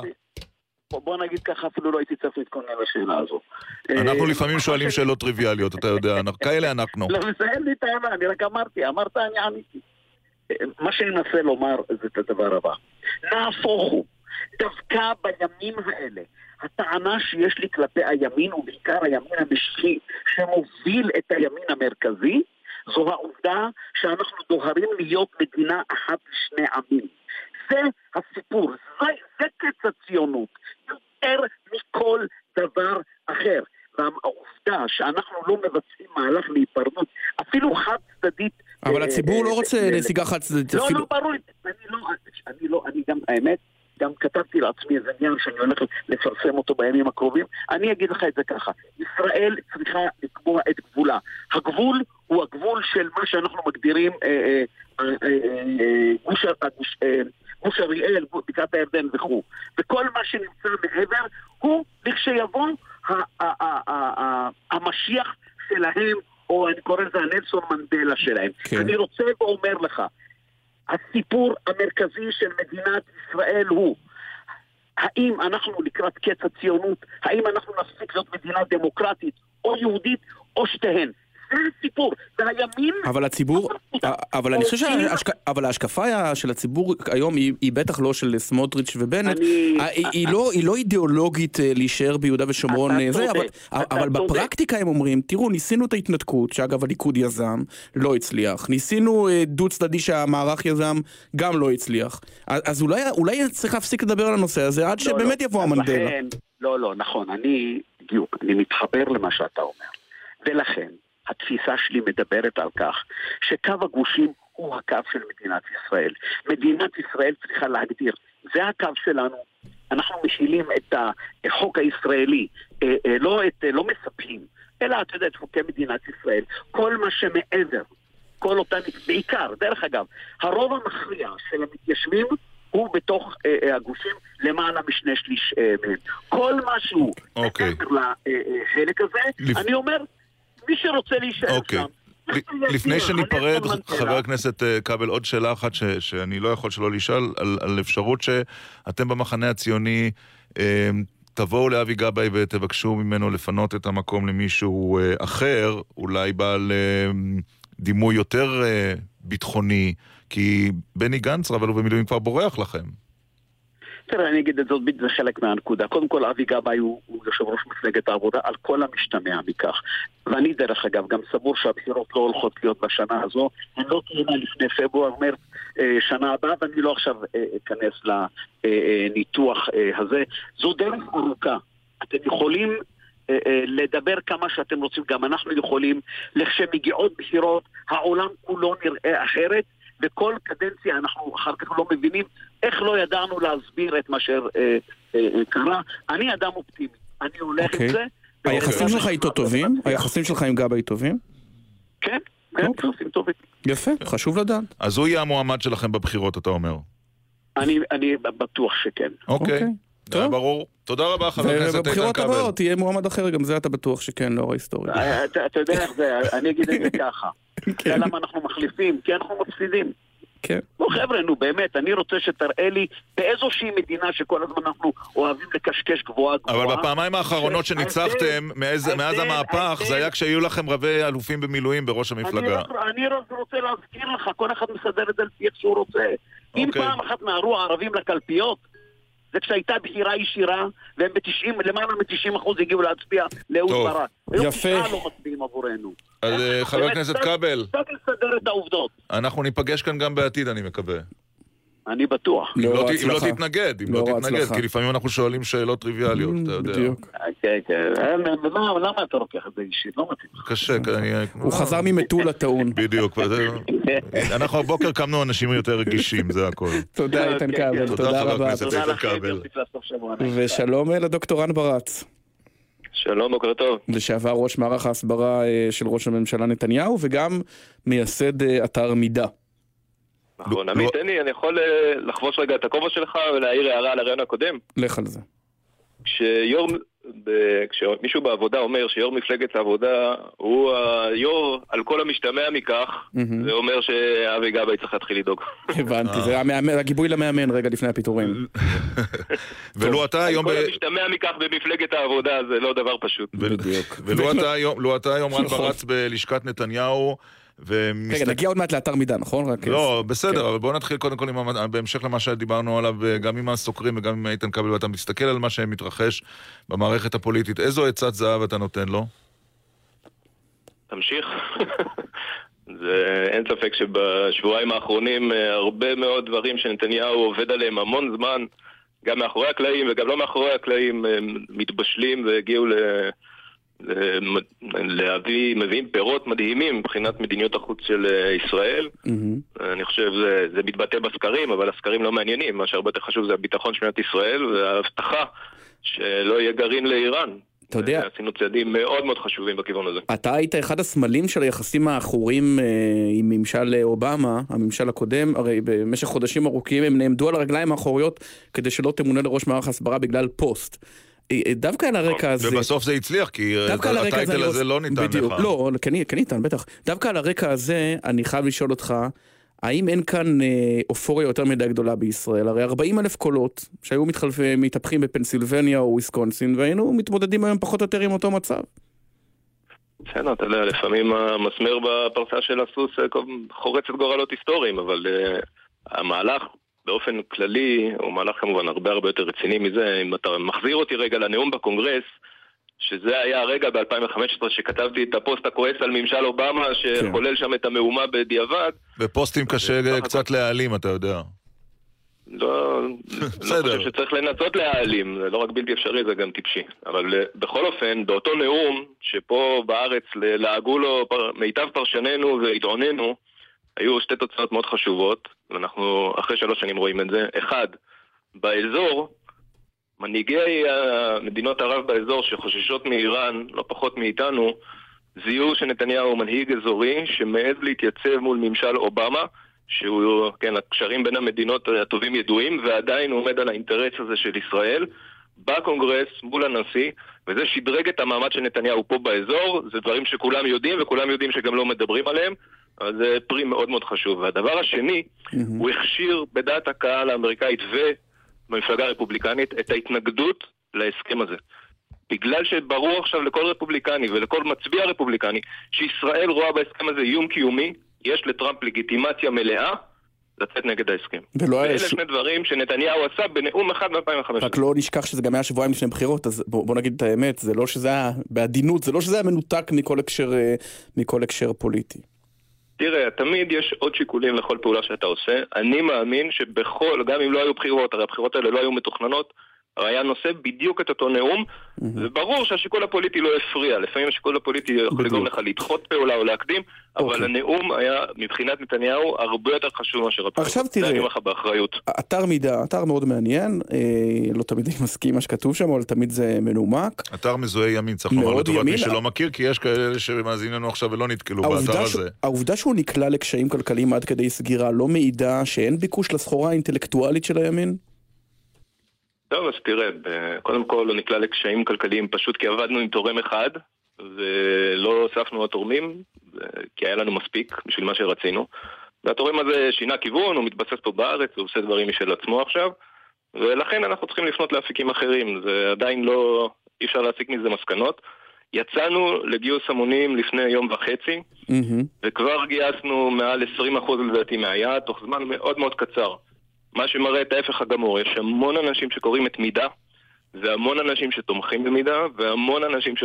מבחינת נתונים יבשים, לדעתי, אנחנו האתר נישה, כן, כי אנחנו לא אתר חדשות, הכי נקרא עם הכי הרבה traffic. כן, אבל אתה לא יכול אה, להתעלם מהעובדה, רן ברץ, שהרבה שנים אנחנו אה, שומעים על חוסר איזון בתקשורת, גם אתה אמרת זאת לא פעם ולא פעמיים, ואז עולה ערוץ 20, שבעצם אמור לתת תשובה לכל מי שטען ולכל מי שרוצה לצפות במשהו מכיוון אחר. והנה, אחרי שהערוץ הזה עולה, והרייטינג בהתחלה, הסקרנות היא כמובן טבעית, זה עדיין לא תופס. איך אתה מסביר את זה? מקטרים שאין איזון וצופים בערוצים אולי- 10, אולי- 12, 13. אולי אנשים אוהבים להתעצבן. באמת, אני, אולי זאת החוויה, חוויית בסך הצפייה. הכל, תראה, הנתונים, קודם כל אתם יודעים את זה היטב. נתוני צפייה ונתוני האזנה הם דברים שיש, אה, תלויים מאוד בהרגלים. ולכן כלי תקשורת חדש שנכנס, לוקח לו זמן ליצור הרגלי צפייה, ודרך אגב, אני לא יודע אם ערוץ 20 הוא הפתרון, הם מנסים. בשוק חופשי הם מנסים, ובסוף מישהו מצליח. ברור שלערוץ 20 אין את המשאבים של המתחרים שלו, לא 10, לא 12, לא 13, הוא ערוץ הרבה יותר קטן, וגם במידה רבה עדיין אה, יותר מדי נישתי. אבל נראה- לאיפה זה יתפתח. אני מבטיח לכם דבר אחד, אם תיתנו לי 750 מיליון שקל, אני אצליח יותר מהתאגיד. התאגיד. כן, אה, יכול להיות מאוד. אנחנו רצינו, אגב, היום זה שנה לתאגיד, רצינו כן. לדבר, לא כך רצו לתת לנו. התאגיד לא רצו לדבר איתנו. במסגרת, אה, כן. טוב, אה, אה, רק שאלה אחרונה. אתה יודע, היית אצל ראש הממשלה. האם יכול להיות שכל הוויכוח ימין-שמאל נשאב לשאלה כן ביבי לא ביבי באופן שפשוט מייתר כל ניסיון לטעון טיעון אינטלקטואלי מימין ומשמאל אה, ולכן בין היתר אולי אין כל כך קשב ל- להסברים הליברטריאנים שלכם, להסברים ה... אין כל כך יודע, קשב בנקודה. אז הנה, אתה רואה, גם הקשב שלך קצת פגום. אנחנו לא ליברטריאנים, אנחנו ליברליים מבחינה כלכלית, אנחנו ימין לאומי ליברלי, מה שנקרא. ותראה, ברור שבחירות נקבעות על ידי הרבה דברים, ולא רק על ידי הצד האינטלקטואלי. אבל התחושה שלי, כשהקמתי את האתר לפני שש שנים, זה שבימין, מי שרוצה לשאול את השאלה, מהי השקפת העולם הלאומית-ליברלית, איזה ערכים היא מייצגת ואיזה סוג של מדיניות היא רוצה לקדם, אין לו תשובה טובה. ובגלל זה הקמתי את מידה, ואני חושב שיש שם המון תשובות והמון הישגים, ובעניין הזה יש גם שינוי מסוים של השיח. אנשים, למשל, יודעים היום הרבה יותר שהימנים אוהבים חירות כלכלית ממה שהיה לפני שבע שנים, נניח, האתר קם אחרי המחאה החברתית של 2011. היום, אם תקום מחאה נוספת, היא תיראה אחרת. בין השאר בזכות מידה. ולא לא מונה לך מחליף כמנהל- כראש, מרכ- כראש אה, אה, מערך המערך- ההסברה. מערך ההסברה הלאומי. זה אומר שאולי התפקיד הזה מיותר? יש אחד, קוראים לו בנימין נתניהו. בדיוק. קודם כל אף אחד לא ייקח מנתניהו את אה, יכולותיו, אני לא חושב שמישהו יכול להתחרות במדינת ישראל, אז ככה שתמיד טוב שהוא יעמוד ב, ב, כראש מערך ההסברה, חוץ מזה שהוא ראש ממשלה.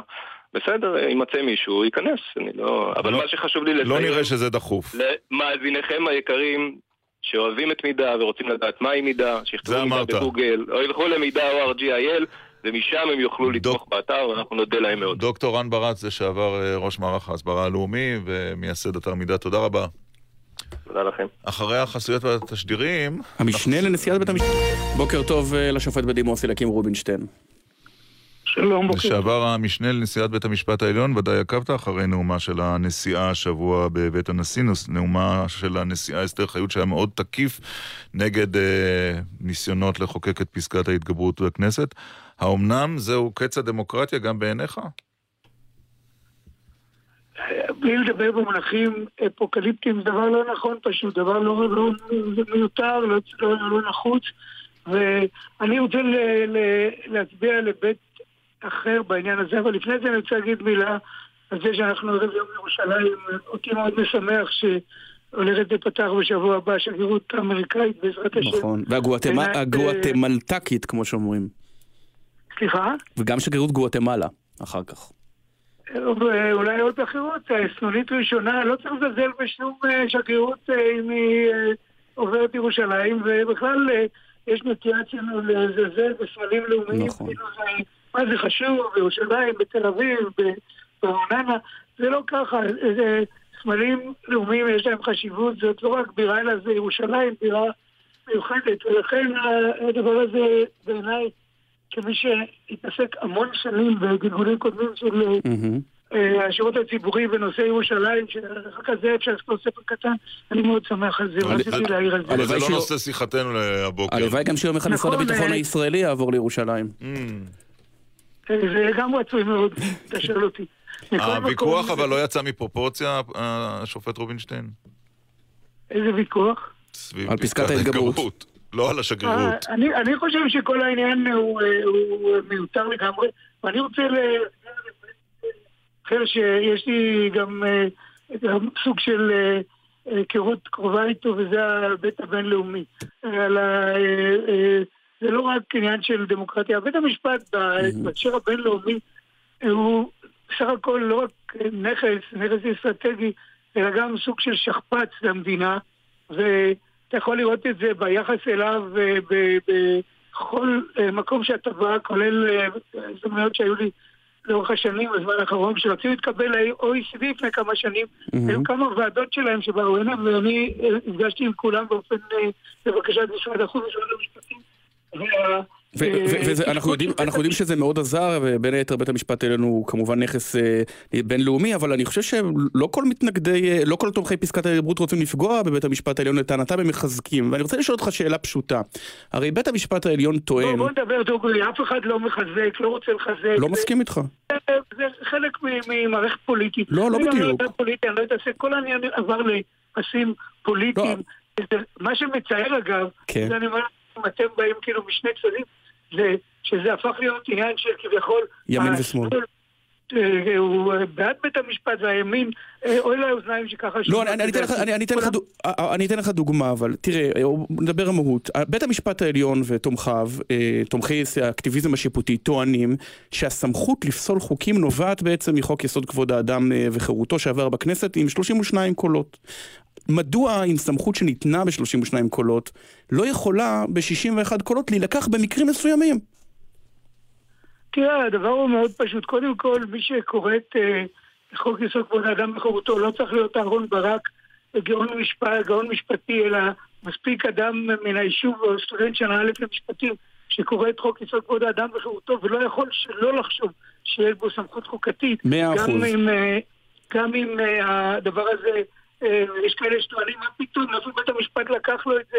אה, הכנסת נתנה לו את זה, הוא לא הזמין את זה, זה כתוב. מאה אחוז, אבל אתה, אתה. מקפיד ללמוד תורה כל יום. מדוע הפה שאסר הוא לא גם הפה שהתיר? מדוע הכנסת היום לא יכולה ב-61 חברי כנסת, במקרים מאוד קיצוניים, לקחת את הסמכות הזאת?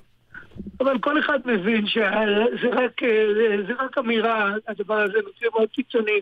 זה יהפוך לעוד סוג של אה, משחק פוליטי. זה לא אבל גם אה, ה-32 אילו היה- הם היו משחק תראו, פוליטי. תראו, למה אילו ה-32... היה- אילו היה- ה-32 היו אילו מלאכים בשנת 1992 שאישרו את החוק? דן מרידור יותר טוב מ... אני יודע, מ... איילת מ- שקד. מאיילת שקד? זה לא, זה לא שלב בכלל, דן מרידור לא יותר טוב והיא לא יותר טובה ממנו, שניהם אנשים טובים מאוד. נכון. אה, אה, אה, מילאו, ממלאים תפקידים חשובים, זה לא שייך בכלל, הוויכוח הוא לא על זה. השאלה היא לא האם אה, אה, אה, 61 או 65 או 70 כמובן, אם רוצים להיות רציניים ולא בקואליציה מזדמנת, צריך מספר גדול, אבל אני בכלל לא חושב שצריך את זה בכלל, מדוע? לא עשו יסוד חקיקה, ואין גם צורך, הנה, אתם בעצם, אה, ב- ב- הזמנתם אותי לדבר היום לא על זה, אלא מלכתחילה, בעיקר על העניין של מבקשי המקלט. והדברים מהסוג הזה. זה נושא שצריך לפתור אותו, לא על ידי אה, לכתוב איזה חוק של 60... אה, אבל עוד לא הבנתי, המשנה. לנשיאה רובינשטיין, עוד לא הבנתי למה הכנסת יכולה ב-32 ח"כים להעניק סמכות כל כך דרמטית, וב-61 היא לא יכולה להתגבר, אז אתה אומר שיקולים פוליטיים. שאין קשר בין שני הדברים. הענקת הסמכות אה, יצרה את חוק יסוד כבוד האדם וחירותו. עכשיו הוא חוק חוקתי, שחוק יסוד שחי חיים משלו, הוא לא חוקה. ברגע שהיא קיימת, היא לא השקופה הנדרסת. אבל מי זה חוקה? חשין ול... החוק כל כך ברור היה שחשין ולנדוי טענו שהוא לא נותן את זה בכלל. רוב גדול של שופטים שחשבו אחרת. אבל חשין לא חשב, לא, אבל אמרת שכל אדם בר דעת רואה את זה. ברור שבית משפט רוצה אה, אני סמכות. אגיד לך, אתה יודע מה? חבל שאין לנו זמן, זו תוכנית רדיו. נכון. אני אומר לך, אה, תן לי את הקרדיט שאני יודע על מה אני מדבר. מי שקורא את חוק היסוד ואת פסקת ההגבלה בו, לא יכול משפטית, לא פוליטית. אבל רגע, לא- רגע, רגע, אני רוצה להתערב כאן ולשאול, השופט רובינשטיין שאלה מ- מצד המבקרים, כי הטענה היא לא רק לגבי בית המשפט העליון, אלא, ואני תוהה אם אתה תומך גם בה, שיש כאן מה- מהלך עקבי להחליש את שומרי הסף, וזה לא רק בית המשפט העליון, זה גם המשטרה, זה גם הפרקליטות, זה גם התקשורת, אם אתה רוצה לציין אותה, וגם בית המשפט העליון. אתה גם רואה את הדברים כך? תראה, אני, אני בכלל לא, אני, אני מדבר מתון, ולא, ו, ו, אבל אה, לגבי בית המשפט, זה ברור כשמש שרוצים להחליש אותו, והדבר הוא, אה, אני אגיד לך דבר קצת אה, מעציב. קודם יוצרים אצל ציבורים מכובדים, ושלרבות הרבה מהציונות הדתית, שאני באופן אישי משתייך אליה, יוצרים דימוי של בית המשפט שהוא אויב העם. כמו D9, ואיך הוא קרא לזה, חבר הכנסת הזה, אה, עמוד הטבח, ואז, אה, אם זה כזה אויב, צריך להחליש אותו. אני לגמרי, ואז באים- ה- אבל הנשיא, השופט רובינשטיין, אני לגמרי מקבל את זה שבית המשפט הוא לא אויב העם. השאלה אם אתם לא הופכים את כל מי שמנהל דיון לגיטימי על פסקת ההתגברות לאויב הדמוקרטיה. אני רוצה לתת לך דוגמה. בשנת 2001 הנשיא ברק נושא נאום במרכז הבינתחומי בהרצליה, הוא מדבר על פסקת ההתגברות, והוא אומר כך, אפשר גם להרחיב את פסקת ההתגברות. זו הפסקה הקבועה בחוק יסוד חופש העיסוק לעבר כל חוקי היסוד. עכשיו, בחוק יסוד חופש העיסוק זה 61 ח"כים. עכשיו, אפשר להסכים או לא להסכים, אפשר לשנות דעה, אבל, אבל למה מי שאומר את זה הוא, הוא, הוא אויב הדמוקרטיה? אני לא אומר שמישהו אומר את זה אויב, אבל אני אומר שהדבר הזה מיותר פשוט. זה הכל.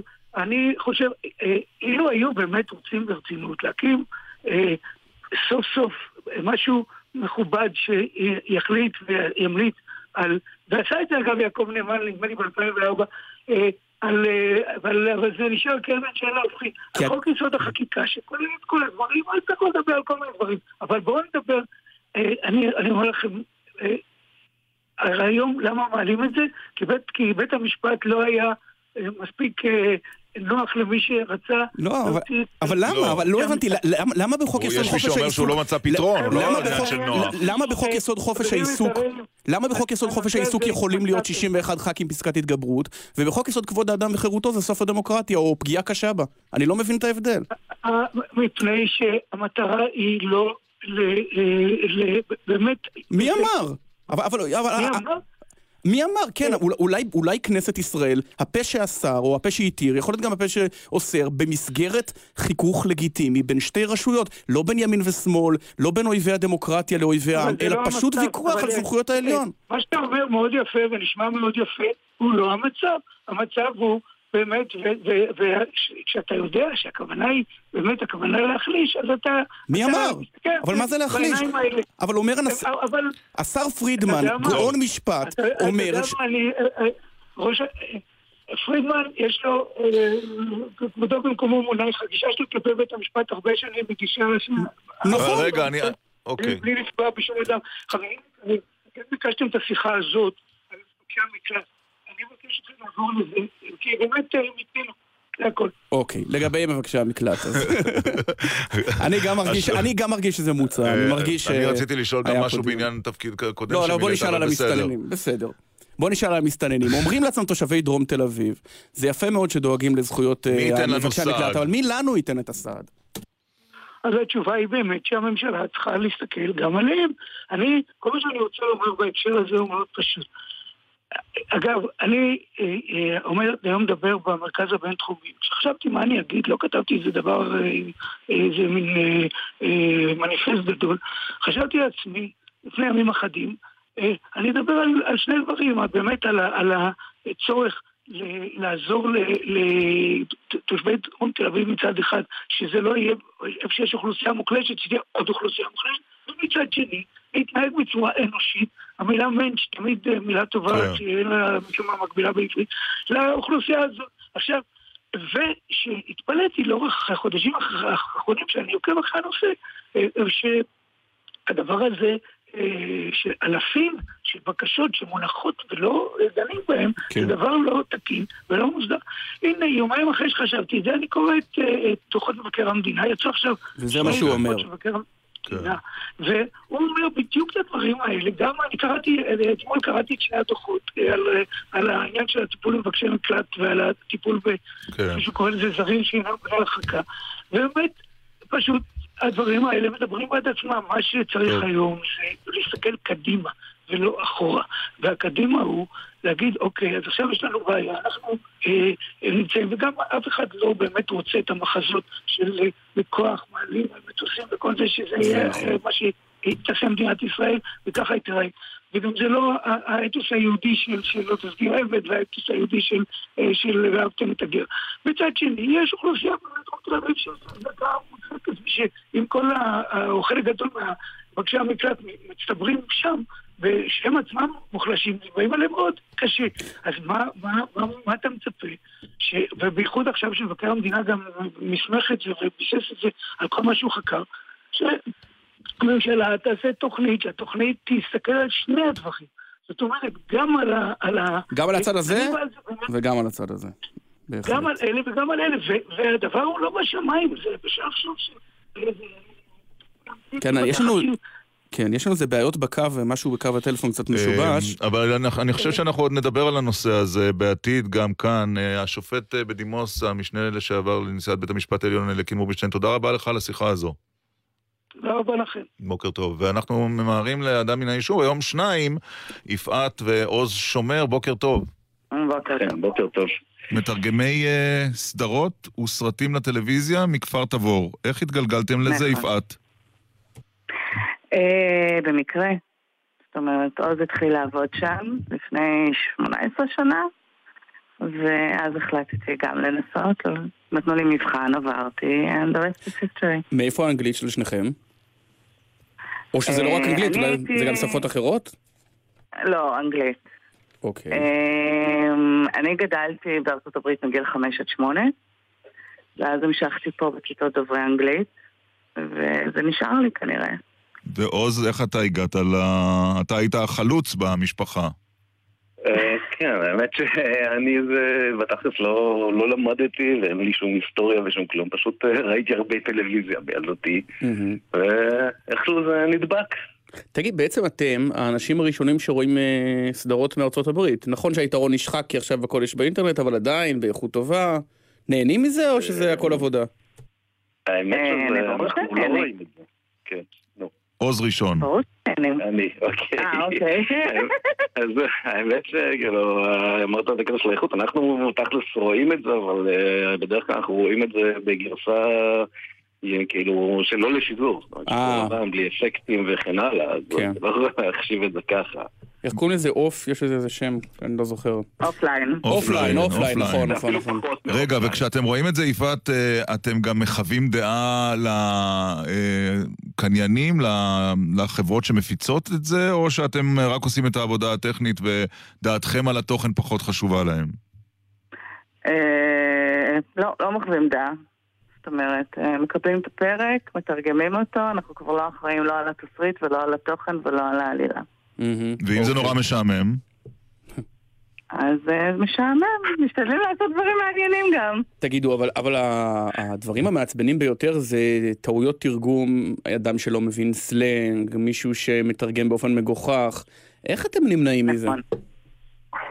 קודם כל מתרגם, צריך קודם כל לדעת עברית לפני שהוא יודע אנגלית. אה, ואז אתה חייב לדעת לזהות מתי זה פתגם ומתי זה מילולי. אה, לדעת למצוא את הפתגם המקביל בעברית, או את הביטוי המקביל בעברית. אה, אבל לא כל בדיחה באנגלית, לא כל בדיחה באנגלית אפשר לתרגם. נכון. נכון, אבל אתה צריך גם איזושהי אינטליגנציה בסיסית שיש לך או שאין לך בשביל לעשות את זה. לא כל בן אדם שיודע לכתוב את השם שלו בלי שגיאות יכול להיות מתרגם. מה הטעות הכי קשה שעשיתם? עוז. עוז. אתה יודע מה. או לבחירתך, הטעות הכי קשה שראית בטלוויזיה של מישהו אחר. של רעייתך למשל. רעייתך. לא, לי אין טעויות, כאילו לא? הבנתם. אה, אני לא, אני, אני, אני אשמור על שלום בית. אני חושב שכאילו, הטעות הכי חמורה שראיתי את זה, זה עוד לפני שהייתי מתרגם האמת. אה, אני זוכר, זה מישהי תרגמה סרטון על אה, בייסבול, ומישהו דיבר, אמר, אה, You lost all your marbles, זאת אומרת, אה, יצאת מדעתך, והוא מחזיק בשקית של ביד, שקית עם גולות, והמתרגמת כתבה, איבדת את השיש שלך. אני, כאילו, זה מבחינתי היה השיא. אוקיי. תגיד- תגידו, אה, רק כדי לסבר את האוזן, מה שלוש הסדרות הכי מפורסמות שכל אחד מכם תרגם? יפעת? אה, החיים עצמם, הומלנד, אה, רשימה שחורה. עוז? אני חושב שחברים זה מה שאני הכי מוכר בו. מה, זה מוזר אבל. מה, חשבתי שהגברים יעדיף, זאת אומרת, חשבתי שכל אחד רואה את מה שהוא אוהב לראות, או שהטעם שלכם שונה מה... מי מחליט? מי מחליט מי. מתרגם מה? טרנס טייטלס, זה החברה. אה, לא, אבל ביניכם אני שואל. לא, אבל מי מחלק ביניכם? לפי הסדרה, לפי הם, הם. מחלקים לנו, לכל אחד מאיתנו יש את הסידור עבודה אה. שלו, אנחנו שתי ישויות נפרדות. הבנתי, הבנתי. עכשיו תגידו, יוצא שאתם אה, רואים סדרה שכבר תרגמתם ואחד מכם מעיר לשנייה, או להפך? בטוח שלא. איזה שטות, איך אה, תרגמת את זה? כן, עוד כן, ובגלל זה אני לא מוכנה לראות את הסדרות שלי. אוקיי. אתם לא רואים כאילו, ביחד הוא את הסדרות? לא, אני לא מוכנה לראות את הסדרות שלי. באמת? עוז? כי הוא מחפש אותי. אתה מוכן לראות אה, סדרות שלך עם יפעת? אה, כן, לי אין בעיה, אני כן, בסדר. כי אני נחמדה. אז רגע, תגידו... אני נחמדה. אבל זה מהנן לראות את זה אחרי שתרגמתם את זה? הרי זה נראה דבר כזה לראות פעמיים. זה כיף, כי כמו שעוז אמר, הסדרות שבגלל שזה הכל צמוד שידור ובלחץ, אנחנו מקבלים אותם באופליין. אז בדרך כלל זה שחור לבן ואין אפקטים. ואז זה נורא כיף לראות את זה על מסך גדול עם צבעים, עם האפקטים, ו... באיזה גודל המסך הטלוויזיה בבית משפחת שומר? וואי, עוז, אני לא זוכרת. לא, ממש לא, 40 אינץ', משהו אה, כזה. לא קולנוע ביתי כזה. לא, לא, לא. חשבתי. זו זה פרנסתכם? עדיין יותר גדול ממסך. זו פרנסתכם היחידה? כלומר, אתם עושים רק את זה? מה, אתם יכולים למכור ספוילרים. לסחור לא, בספוילרים. חתומים על הסכמי סודיות, אין מצב. יש הסכם סודיות? ברור. כן, בטח. מה, אבל... אבל- מה, לא רגע, לגלות איך סדרה רגע, אבל נגמרת? אני לא מבין אולי את לוח הזמנים, הרי פעם באמת היה סדרה באמריקה ואחרי חצי שנה הייתה מגיעה לארץ, בקלטות באוניות, או מטוסים. אבל קלטות היום, באוניות. אבל היום ברגע שזה יוצא באמריקה, אז כבר, אז כבר אפשר להוריד את זה פה בלינקים לצפייה ישירה. לא חוקיים? בדרך כלל, אתה מה עושה דברים לא משנה? חוקיים. מה זה משנה? אבל אנשים רואים, אז- אז אז איך אתם, כאילו, מה נכון. העניין בסודיות היום? זה, כמו שאמרתי, אנחנו מקבלים את זה הרבה מקבלת לפני. פרק שבוע לפני שהוא משודר, אז יש פה עניין. גם-. לפני שהוא משודר באמריקה את מקבלת אותו? כן. וואו. אה, אה. מה, זה ממש, צריך להיות הסכם סודיות מאוד מחייב.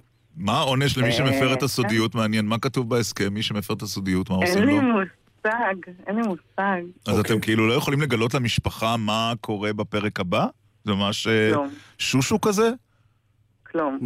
כמו להיות-. באמן. אני רושם את הטלפון שלכם. כמו להיות- משחקי הכס. רגע, לאחד לשני אתם מגלים, או שגם זה יש אה, חובת סודיות?